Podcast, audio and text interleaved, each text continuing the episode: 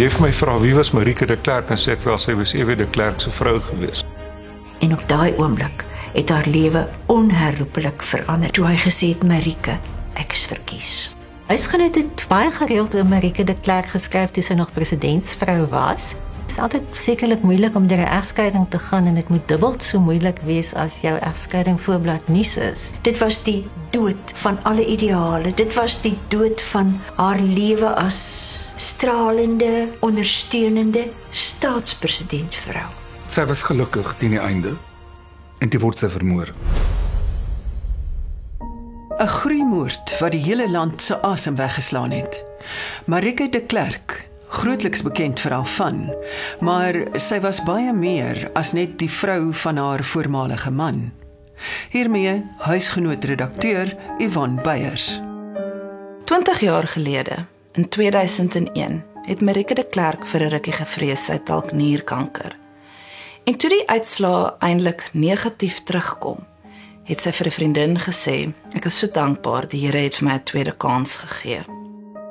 En dit was so 'n tweede kans vir Marike. Want sy was besig om haar lewe te herbou na haar opspraakwekkende egskeiding van oud-president F.W. de Klerk en ook die verbreeking van haar verloving aan die sakeman Johan Kokemoor. Nou Marike het natuurlik die politieke winde van verandering eerstehands beleef, maar sy het in haar persoonlike lewe baie groot storms trotseer ook. En haar vriendinne het vertel sy het in daardie jaar weer begin lag. Sy was weer vrolik. Sy het uitgesien daarna om tyd deur te bring saam met haar kleinkind. Sy was weer lus vir die lewe. En dit is so tragies dat sy aan die einde van daardie jaar in Desember 2001 onverwags dood is, vermoor aan die hand van 'n veiligheidswag by die kompleks waar sy gewoon het. En ek dink dit is net absoluut hartverskeurende dat Marike nooit werklik haar tweede kans gegee is nie.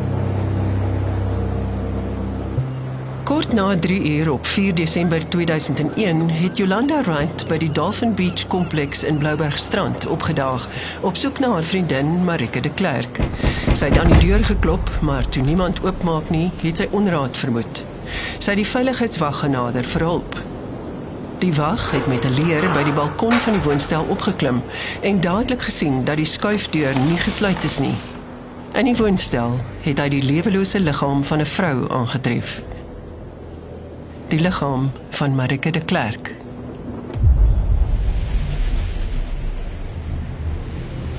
Buiten sy objektiewe mening as voormalige rapportredakteur, bied Tim Du Plessis, wat in dieselfde gemeente as die de Klerks was, 'n meer persoonlike blik op hulle lewens. Ek onthou dit baie goed want toe dit gebeur het, was ek redakteur van Rapport gewees. Ek het toe in 2001 het ek redakteur van Rapport geword. En daai dit was 'n geweldige opspraakwekkende moord geweest en natuurlik met baie gissinge en goed wat daarmee gepaard gaan. En ek weet daar was jy weet soos dit altyd is met sulke goed soos hierdie, daar's maar baie ongeverifieerde inligting wat net in die wêreld ingestuur word. Dit was daar veral hierdie samesweringsteorieë van dat daar van 'n familielede betrokke is, dat dit 'n politieke verwante ding is. Toe baie van die ou goed nou teruggekom en die mense het nou gedink die arme vrou, jy weet, so vreeslike tragiese lewe gehad. Eers het haar man geskei van haar en sy's al die voorregte en wonderlike status wat sy gehad het as 'n prominente politikus, 'n vrou, vrou van 'n mede-wenner van die Nobelprys vir vrede. Sy was al daai goed kwyt gewees en toe sit nou nog hierdie aaklige lot wat haar getref het.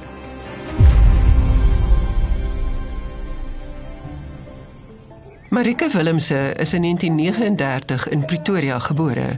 Haar pa, Wilhelm Willemse, was 'n akademikus en skrywer. Toe sy 4 jaar oud was, is haar ouers geskei.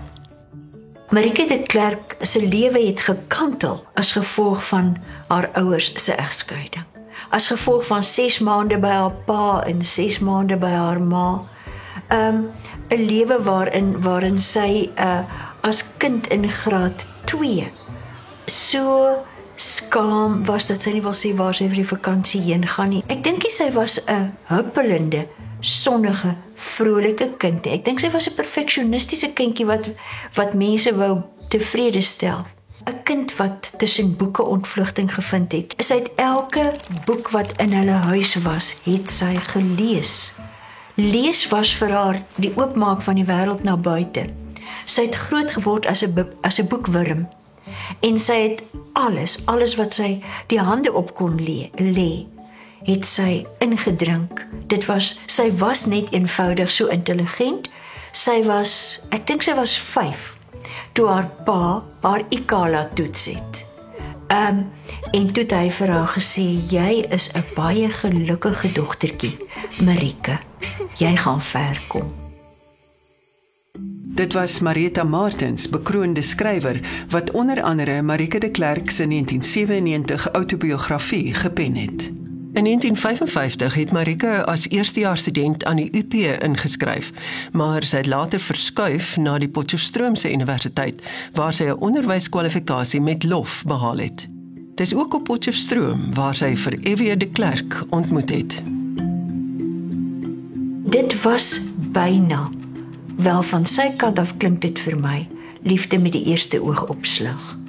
En ehm um, daar is mense wat haar gewaarsku het dat uh, hy met haar hart gaan mors want hy was charming hy was begaafd intelligent 'n leier 'n forse man 'n dinamiese man. En sy was absoluut verlief op hom gewees. En toe hy haar vra om te trou het sy eintlik onmiddellik ja gesê Op 11 April 1959 het Marika en Evie in Pretoria getrou. Saam met hulle drie kinders aangeneem: Jan, Willem en Susan. Marika het eintlik baie baie terughoudend gepraat oor die aanneming. Vir haar was dit nie aangenome kinders nie. Die drie kinders was die kinders van haar hart. Huisgenoot joernalis Elreta Lou het nie vir 'n oomblik gehuiwer om haar kontakte te nader tydens haar verslagdoeningsproses nie. Sy was duidelik 'n baie sorgsame ma gewees. Ehm um, haar jongste seun Willem het baie probleme met sy oë gehad en as jonk kind sou sy dan altyd maar vir hom dokter toe geneem het en ek dink sy het 'n baie regte verhouding ook met Willem gehad. As sy dan vertel het van een van hulle wat so ooggebrek gehad het, dan kan 'n mens hoor dat dit die hart van 'n moeder was en dat dat sy 'n innige verhouding met haar dogter Susan gehad het en dat sy oneindig lief was vir al drie van hulle. Ek was op 'n stadium 'n lidmaat van dieselfde gemeente as meneer De Klerk. Het mevrou De Klerk en die drie kinders redelik gereeld in die Sondae in die kerk gesien. Die indruk wat ek gekry het is hulle is nogal, jy weet, te span. Hulle is 'n hegte paar gewees en so. Ek het dis die indruk wat ek gekry het. Hy was altyd baie besorg oor haar gewees en sy altyd baie besorg oor hom. Mense het die gevoel gekry van 'n gelukkige gesin. In 1986 is Marike met borskanker gediagnoseer. Sy moes chemoterapie kry en 'n operasie ondergaan, maar die behandeling was suksesvol. In 1989 is Evie as die nuwe leier van die nasionale party verkies en het hy saam met die nuwe amp ook die staatspresident van Suid-Afrika geword. Ek dink die grootste oomblik in haar hele lewe was vir haar toe Evie voor 'n skare mense na die kokes vergadering vooruitgeloop kom en vir haar sê Marike ek is verkies en 'n oomblik lank het dit so in haar kop getol verkies en op daai oomblik besef sy maar dan is hy mos staatspresident en op daai oomblik het haar lewe onherroepelik verander Marike het haarself beleef as iemand met 'n eie visie, 'n eie identiteit. Sy het haarself ervaar as iemand wat nie nutteloos op hierdie aarde moet leef nie as 'n belydende Christen. Sy het baie baie groot uh, werk gedoen uh, vir plattelandse vroue en 'n toekenning ook daarvoor gekry. Dit was die aspek van Marike wat wat vir my so verrassend was dat sy spesifiek gevoel het dat landelike vroue en dit het vroue van alle kultuurgroepe ingesluit en alle alle uh uh bevolkingsgroepe dat daar opheffing moet wees op die platteland. Ehm um, ten opsigte van van onderwys, ten opsigte van selfversorgendheid, ten opsigte van menswaardigheid. En mense vrou, hoekom was dit vir haar so belangrik geweest die ontwikkeling van plattelandse en landelike vroue om so stem te word vir stemlose vroue en so 'n bemoediger en 'n inspirasie vir plattelandse en landelike vroue dat sy nie net hier so 'n um, trofee is vir haar man nie. Ek het ook 'n onderhoud met haar gedoen toe hulle teruggekom het sy en ek weet die klerk van Oslo in Noorwe nadat die Nobel Vredesprys aan hom en aan Nelson Mandela toegekend is in Desember 1993. Natuurlik het ek daai stadium die onderhoud gedoen by Grote Skuur, die presidentswoning hier in Kaapstad, pragtige ou herehuis. En Marika het dan ook 'n hele boek geskryf destyds oor die geskiedenis van hierdie huis. Marika het probeer om alles wat sy as nalatenskap gaan hê want sy sou mos nou nie vir altyd staatspresidentsvrou word nie. So keurig en so noukeurig moontlik te doen. En so het sy dan uh die inisiatief geneem om 'n boek oor die inhoud van Grote Skuur daar te stel. Een van haar voorgangers me, mevrou Tini Foster het al reeds van Grote Skuur werklik 'n uitstalplek gemaak, 'n een van die mooiste huise wat jy jou kan indink. En dit was Marike de Klerk se se be, besluit ook om hierdie werk voort te sit waarmee mevrou Tini Foster begin het. En so het hulle van hierdie plek absoluut een van die mooiste plekke in die wêreld gemaak. En sy het uh gevra dat daar foto's geneem moet word met beskrywings van alles wat in 'n uh, groot skuur is. Die kristalware, die skilderye, die tafels, die kabinette, al die pragtige goed. Hulle het daar gewoon tot in 1996 toe hy weer die politiek getree het as visiepresident van die in die regering van nasionale eenheid en het toe hierdie pragtige luukse woonstel in Bloubergstrand gekoop. Was moderne woonstel oop plan maar die verstommende ding daaraan was die ongelooflike uitsig. Van daar af het jy daai prentjie, poskaart prentjie gesien van Tafelbaai met Tafelberg wat daar op die horison uitstrek. Ek dink in daardie tyd het daar reeds 'n mate van verwydering wat sy nie regtig so agtergekom het nie tussen haar en haar man begin plaasvind. Want voordat hy die groot aankondiging gaan maak het het sy niks daarvan geweet nie. Sy het dit nie geweet nie en hy het in hulle huis sit en werk aan sy toespraak. En hy het dit nie met haar gedeel nie. Dit bly vir my 'n raaisel hoekom daardie fase so 'n fase was sonder gesprek daaroor. Sy sê gereeld ons het 38 jaar lank gekommunikeer en die een abnormaliteit wat daar nie in ons lewe was nie. Alles was normaal, maar wat sou abnormaal gewees het? Iets wat wat weggesteek word agterdog. Maar steeds die wegdryf in 'n eie politieke bestel, 'n nuwe politieke bestel is nie met haar gedeel nie. So dit was vir haar 'n baie baie groot skok toe sy besef dat sy nie ingelig was oor wat nou verder gaan gebeur nie. Hy het op 'n aand in November het hy vir haar gesê daar's iets wat ek met jou moet bespreek. En in die boek Marike staan daar dat dit nie vir haar ongewoon was nie, omdat ons 38 jaar lank al dinge bespreek. En hy het vir haar gesê hy het nou iemand anders wat sy hart gewen het. Daar is nou iemand anders. En die skok waar sy sê, "Maar hoe is dit moontlik? Hoe kan 'n man twee vroue lief hê? Hoe kan daar twee vroue in 'n man se lewe wees?" Asof sy nie kan glo dat dat sy uit sy lewe besig is om te verdwyn nie.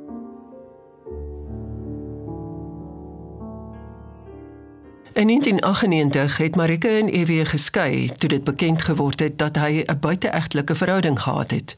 Kort na die egskeiding is hy met Elita Georgiades, die eksvrou van 'n skatryk Griekse sakeman en ook vriend van die de Klerks, getroud.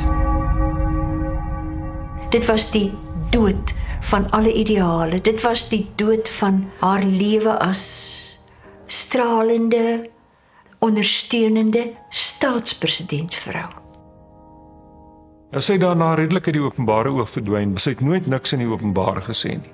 Sy het so een of twee keer in onder media onderhoude wat sy toegestaan het, het sy saam grappies, ag, was allerlei grappies gewees oor EW in die Griekse jag en al daai soort van goed. En uh sy sy het van daai grappies oor vertel, jy weet. Seker net maar om haar eie pyn te verlig wat mens heeltemal kan verstaan. Maar sy van daar af het sy glad geen in die politiek enigsins gefigureer nie. Kenner, joernalis en skrywer Herman Lategan vertel vir ons meer oor Marika se gemoedstoestand in die maande voor haar dood. Sy was baie eensaam geweest nadat sy van Evie de Klerk geskei het. Hy het hierdie ander vrou ontmoet en sy het hierdie lewe gehad as die staatspresident destyds se vrou. So dit was baie soort van bright lights, big city glamour en so aan. En toe sy hierdie eensame lewe in Bloubergstrand geleef sy trouens oorweeg om 2001 het sy oorweeg om Pretoria toe te trek want sy het ook daar woonstel gekoop naby haar dogter en daar is toe 'n klein Marika gebore en sy wou naby die kleindogter wees. Maar haar vriendinne het later vertel dat sy gesê het sy kon net nie weggaan van hierdie woonstel nie want soggens wanneer die son opkom, daardie gloed oor die see is waar net te mooi. Iewers het sy hierdie man ontmoet, John Sebus, wat vir haar sê wat wat jy nodig het is dansklasse. En hy het toe op 'n maandag aand na 'n woonstel gegaan waar sy eers vir hulle gekook het, spaghetti bolognese, um allerlei soort van nice nice eetjies en dat hulle 'n glasie wyn gedrink. Um hulle het gepraat. Sy was baie hartseer, baie me meeste van die tyd was sy hartseer en sy het vir hom gesê ek wens ek kan doodgaan. En dit was vir my tragies geweest om dit te hoor. En dan het hy haar probeer um opkikker. Dan het hy plate aangesit of CD's, soos hy dit noem, laserskywe wat die mooi Afrikaanse woord is. En dan het hulle begin dans en onmiddellik het haar by gelig en hulle het sommer in die in die eetkamer gedans rondom die eetkamertafel en um en sy het altyd vir hom gesê as hy 'n hartseer stukkie musiek aansit sê sy moet asseblief nie doen nie. Op 'n woensdag aand het sy gegaan na sy dansskool in Milnerton. En dan het sy altyd met 'n flesie tee opgedaag en met koeldrankies vir die ander mense en so aan. En dit het sy ook baie geniet. Voor so die hoogtepunt vir haar was 'n maandag aand en 'n woensdag aand en hierdie eensame vrou. Um wat toe nou meer en meer afhanklik geraak het van hom op 'n sosiale vlak en hy het toe vir haar baie keer uitgevat na verskeie funksies en so aan. En dit het haar regtig gelukkig gemaak. Sy was gelukkig teen die einde en dit word sy vermoor. Menigte leidrade op en om die moordtoneel het dit moontlik gemaak om die skuldige binne enkele dae in hegtenis te neem. So dis toe nou die maandag en die dinsdag en ehm um, die vrou wat haar anaals versorg het, het ehm um, sy het 'n afspraak gemis en sy het bekommerd geraak.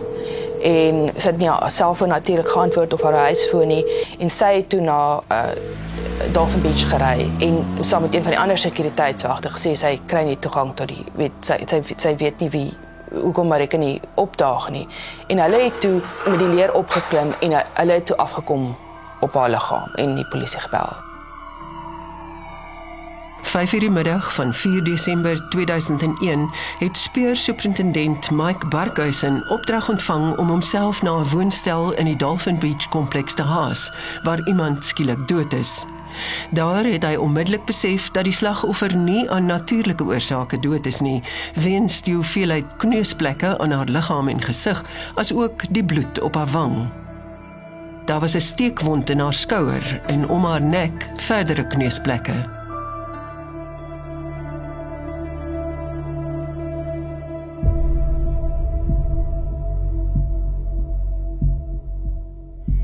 Die polisie ondersoek was regtig fantasties. So Mike Barkhuizen wat daai tyd superintendent was en hy was een van die groot koppe by moord en roof, het dadelik in beweeg en Kenneth Speed het saam met hom gewerk.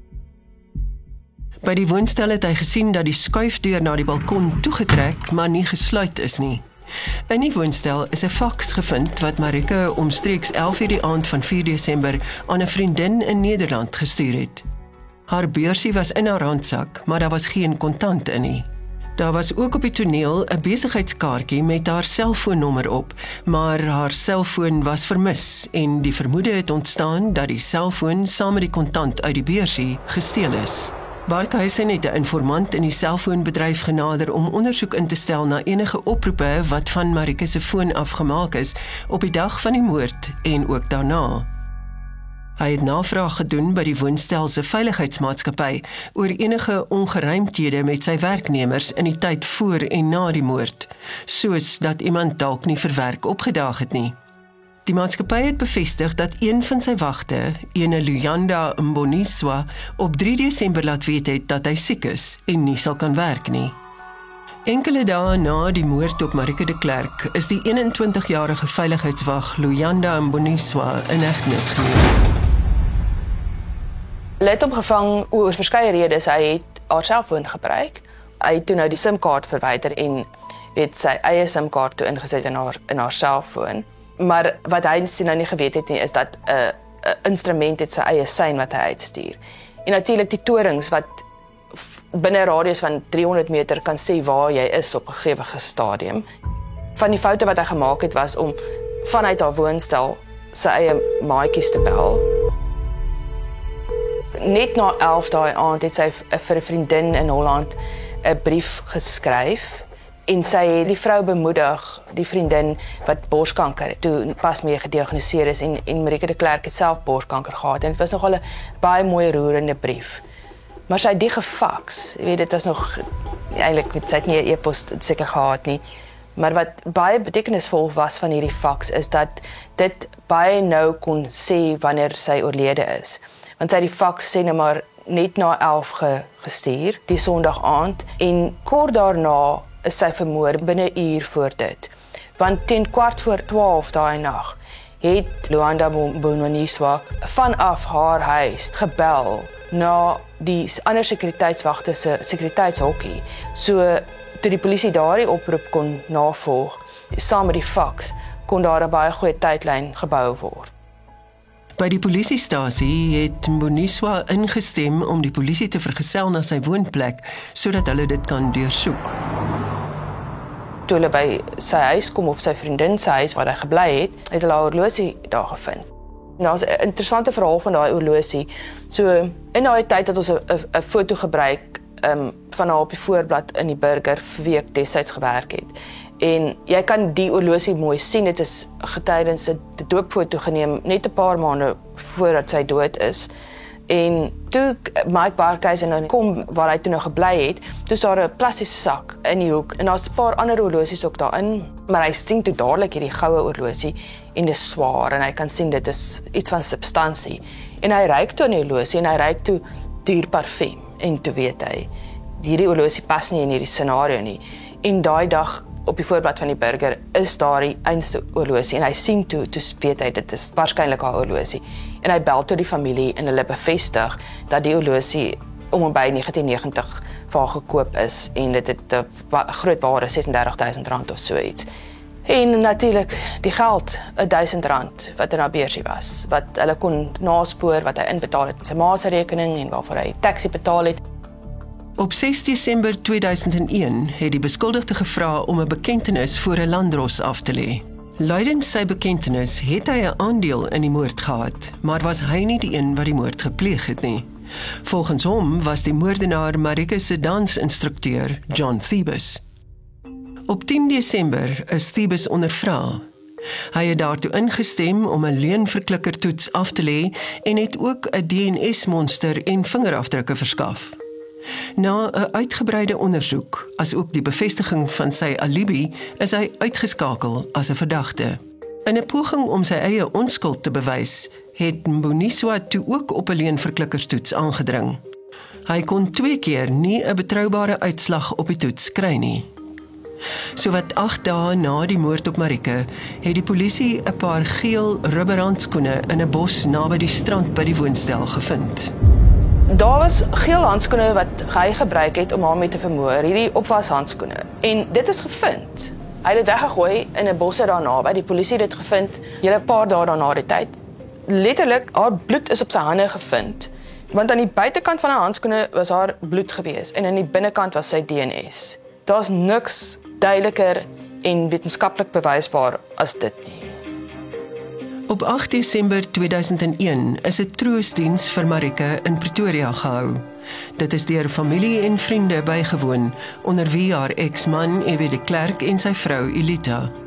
Talle ander bekendes, politici, ambassadeurs en selfs modeontwerpers het ook die diens bygewoon.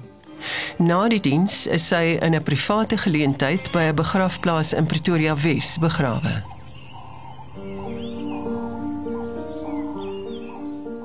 Ek het toevallig vir Susie James geken omdat ons in dieselfde kerk was en ek het geweet dat sy in hoë kringe beweeg. Sy is baie bekend gewees hier in sosiale kringe en soos enige joernalis gebruik jy maar jou kontakte en uh, dit was ook by Suzette se huis wat ons hier onderhoud gedoen het bo in Oranjezig en ook interessant Suzette ehm um, het destyds vertel dat daar was 'n salmpink disa blom wat na Marike vernoem is.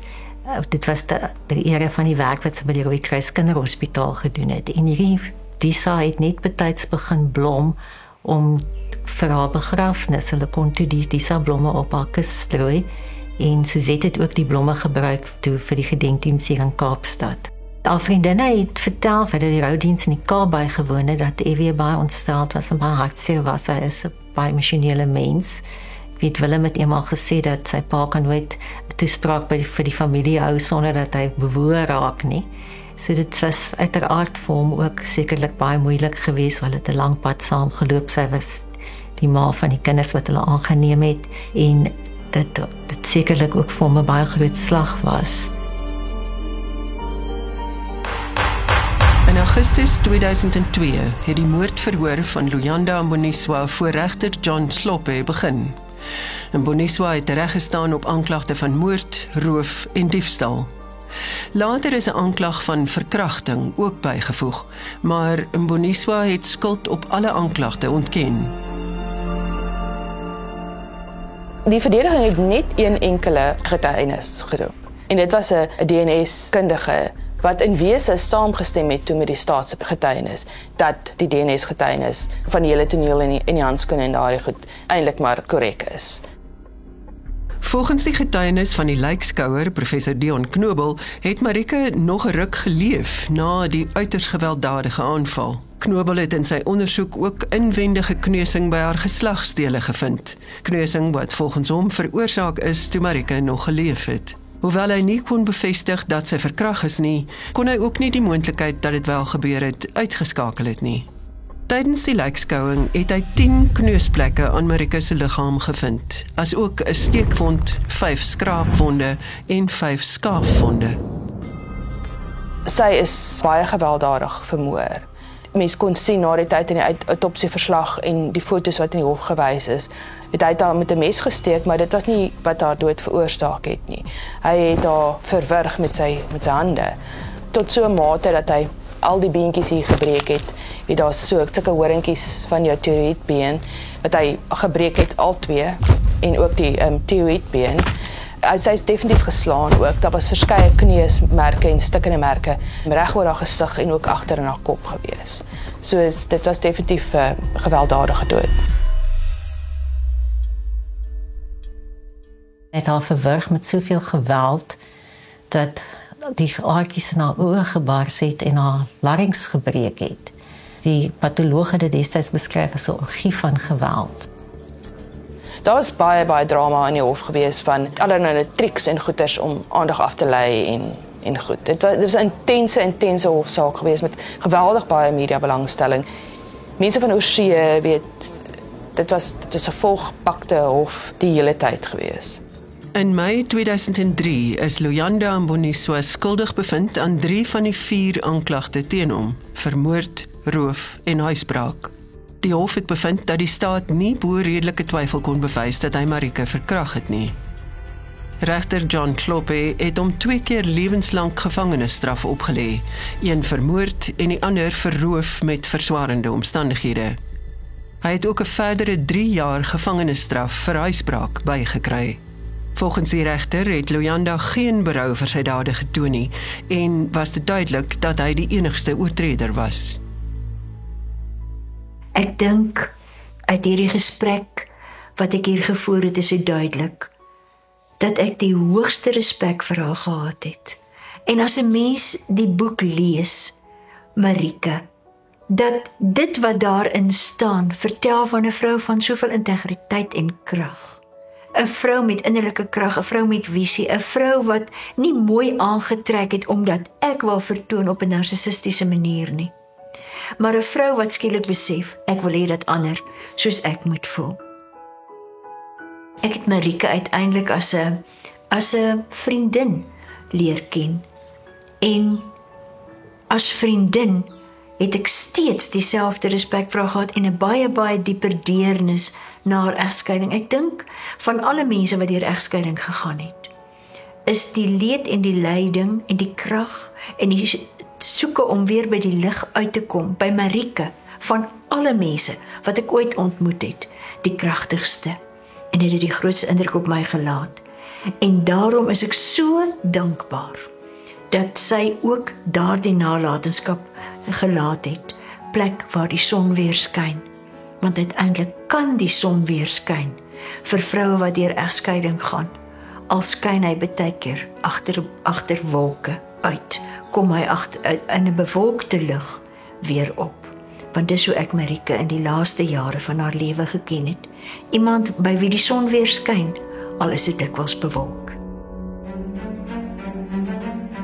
Joernalis Elsabie Brits het destyds berig oor die gebeure en die verhoor wat daarop gevolg het. Marike de Klerk, oud staatspresidentsvrou, ma van 3 en ruimhartige filantroop. Haar lewe is van haar ontneem, maar haar passievolle nalatenskap staan sterk.